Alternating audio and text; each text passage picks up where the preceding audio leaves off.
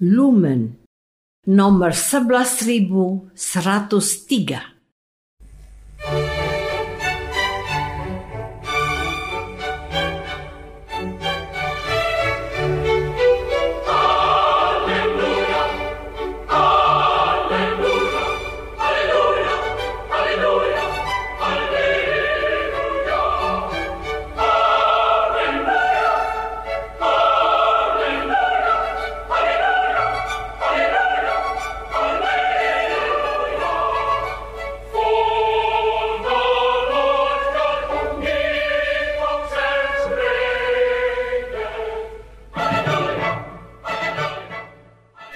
Saudara pendengar di segenap penjuru tanah air, selamat bergabung dengan Lumen Indonesia.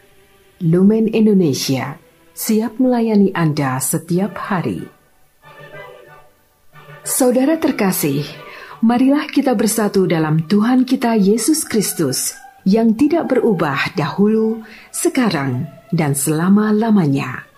Allah Sang Maha Rahim mengasihi dan menerima sebagaimana adanya kita Allah Bapa kita di surga senantiasa bersedia menolong, menghibur, dan meneguhkan kita dalam menghadapi segala permasalahan hidup sehari-hari.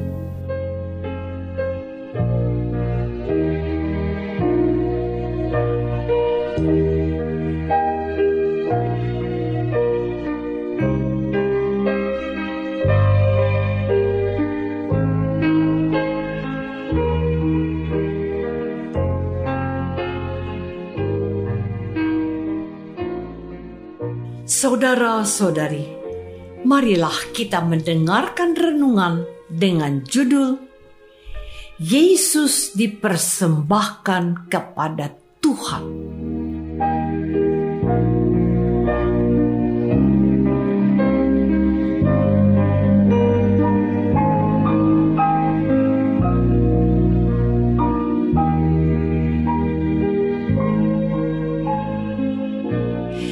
Yang berdasarkan pada Injil Lukas bab 2 ayat 22 dan 23. Dan ketika genap waktu pentahiran menurut hukum Musa, mereka membawa dia ke Yerusalem untuk menyerahkannya kepada Tuhan seperti ada tertulis dalam hukum Tuhan semua anak laki-laki sulung harus dikuduskan bagi Allah.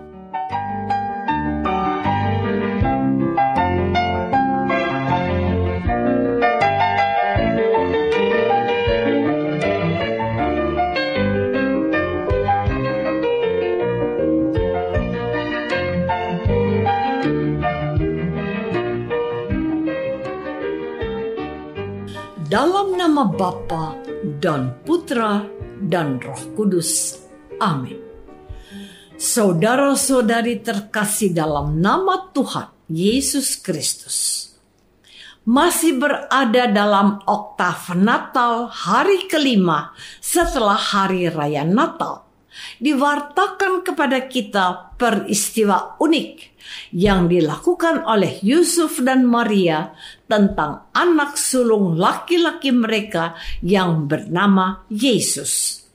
Yesus dipersembahkan kepada Allah menurut hukum Musa agar ia dikuduskan kepada Allah. Menyertai niat mereka itu, mereka mempersembahkan juga sepasang burung terkukur atau dua ekor burung berpati. Menarik bahwa ketika Yesus dikhususkan untuk Allah di Yerusalem, Lukas mencatat ada sosok seorang yang benar dan saleh bernama Simeon yang tidak akan mati sebelum melihat Mesias Ketika Yesus dipersembahkan ke rumah Allah, Simeon menyambut anak itu dan menatangnya dan memuji Allah. Katanya, sekarang Tuhan, biarkanlah hambamu ini pergi dalam damai sejahtera sesuai dengan firmanmu sebab mataku telah melihat keselamatan yang daripadamu, yang telah engkau sediakan di hadapan segala bangsa, yaitu terang yang menjadi pernyataan bagi bangsa-bangsa lain dan menjadi kemuliaan bagi umatmu Israel. Saudara-saudari terkasih, Simeon telah memberikan kesaksian di bait Allah dan kesaksiannya itu telah membuat Bapak dan Ibu Yesus amat heran. Setelah memuji dan memuliakan Tuhan, Simeon juga bernubuat tentang anak sulung Maria. Katanya, sesungguhnya anak ini ditentukan untuk menjatuhkan atau membangkitkan banyak orang di Israel dan untuk menjadi suatu tanda yang menimbulkan perbantahan. Dan suatu pedang akan menembus jiwamu sendiri supaya menjadi nyata pikiran hati banyak orang. Dalam ritual mempersembahkan bayi Yesus di Yerusalem ini telah dinyatakan kepada penerima Injil Lukas dan kita pada masa kini tentang orang tua Yesus yang taat kepada aturan bangsanya. Tradisi dalam agama Yahudi. Namun, yang lebih menarik bahwa dalam rangkaian ritual tersebut tidak seperti umumnya. Ada kejadian yang luar biasa seorang Nabi Simeon yang dijanjikan oleh Roh Kudus tidak akan mati sebelum melihat Mesias terbukti. Simeon ini juga bersaksi bahwa Yesus, anak sulung Maria, adalah benar-benar Mesias, sehingga ia sekarang siap untuk dipanggil Tuhan. Yesus itu akan menjadi juru selamat bagi bangsa-bangsa lain dan kemuliaan bagi umat Israel. Saudara-saudari terkasih, sebuah kebiasaan atau tradisi yang baik mempersembahkan anak sulung kepada Tuhan untuk dikuduskan bagi Allah. Kepada kita mau diajarkan untuk mendahulukan Allah dengan pujian dan ucapan syukur kepadanya untuk anugerah yang dilimpahkan kepada keluarga kita. Saya tidak tahu bagaimana persisnya anak-anak yang dilahirkan di dalam keluargamu. Apakah setelah anakmu dilahirkan, Anda segera memuji dan memuliakan Tuhan? mengucapkan terima kasih untuk kehadirannya? Apakah setelah itu Anda juga bergegas untuk membaptiskan anak Anda supaya menjadi anak Allah dan menjadi bagian gereja semesta?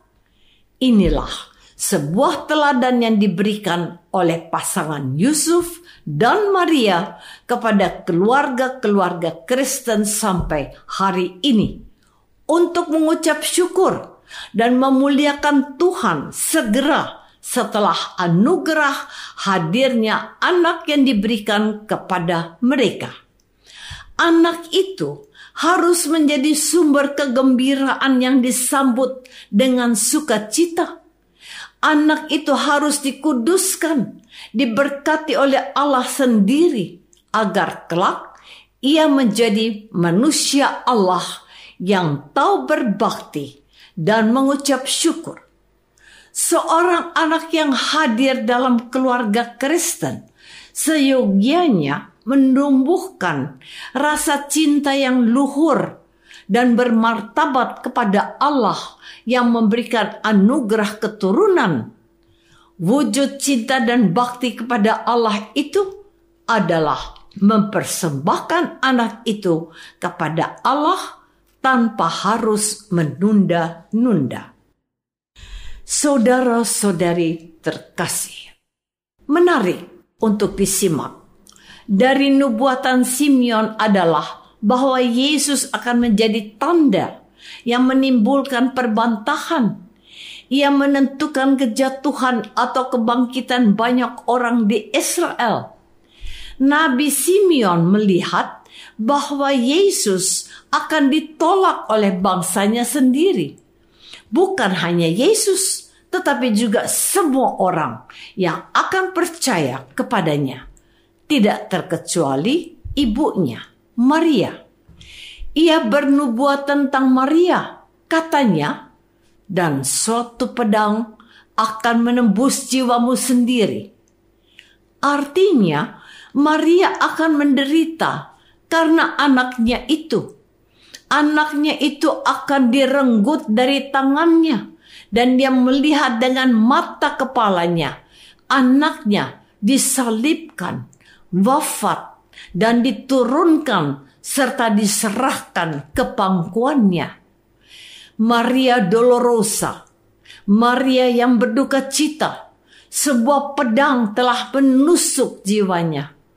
Sejak awal sudah dinubuatkan bahwa Tuhan Yesus memang diperuntukkan bagi Allah dan taat kepada kehendak Allah, maka peristiwa pembaptisan seorang anak atau sakramen pembaptisan yang kita terima bukan saja menyatakan bahwa kita ini milik Allah, tetapi bahwa kita harus siap memilih apa yang dikehendaki Allah dan bukan yang lain.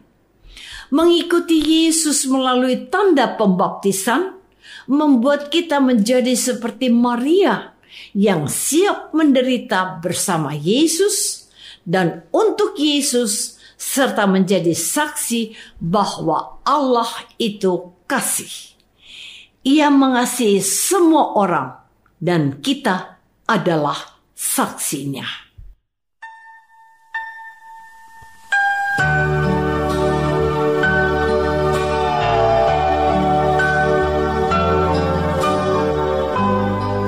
Saudara terkasih, marilah kita masuk dalam saat hening sejenak untuk meresapkan renungan yang baru saja kita dengar bersama dalam kehidupan iman kita masing-masing.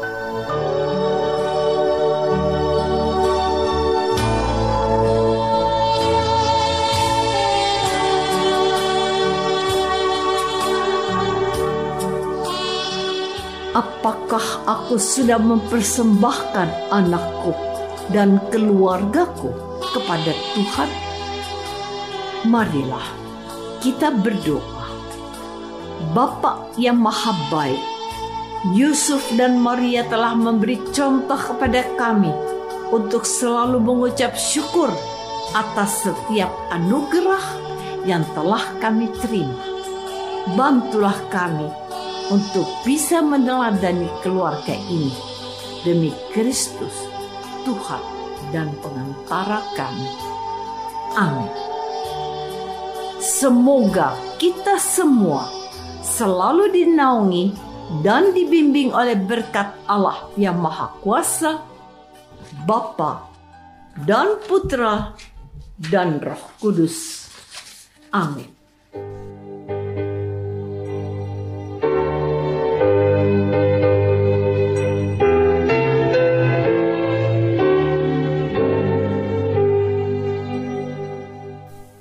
Dengan penuh kasih dan sukacita, Lumen Indonesia mengundang saudara-saudara seiman di segenap penjuru tanah air. Sekiranya ada tanggapan ataupun saran, kirimkan surat Anda ke Lumen Indonesia. Terima kasih atas perhatian Anda. Sampai berjumpa lagi dengan Lumen Indonesia pada waktu dan gelombang yang sama esok hari.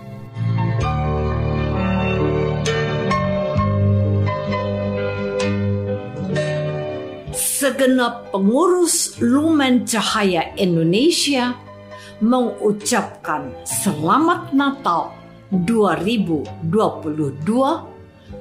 Tuhan memberkati kita semua.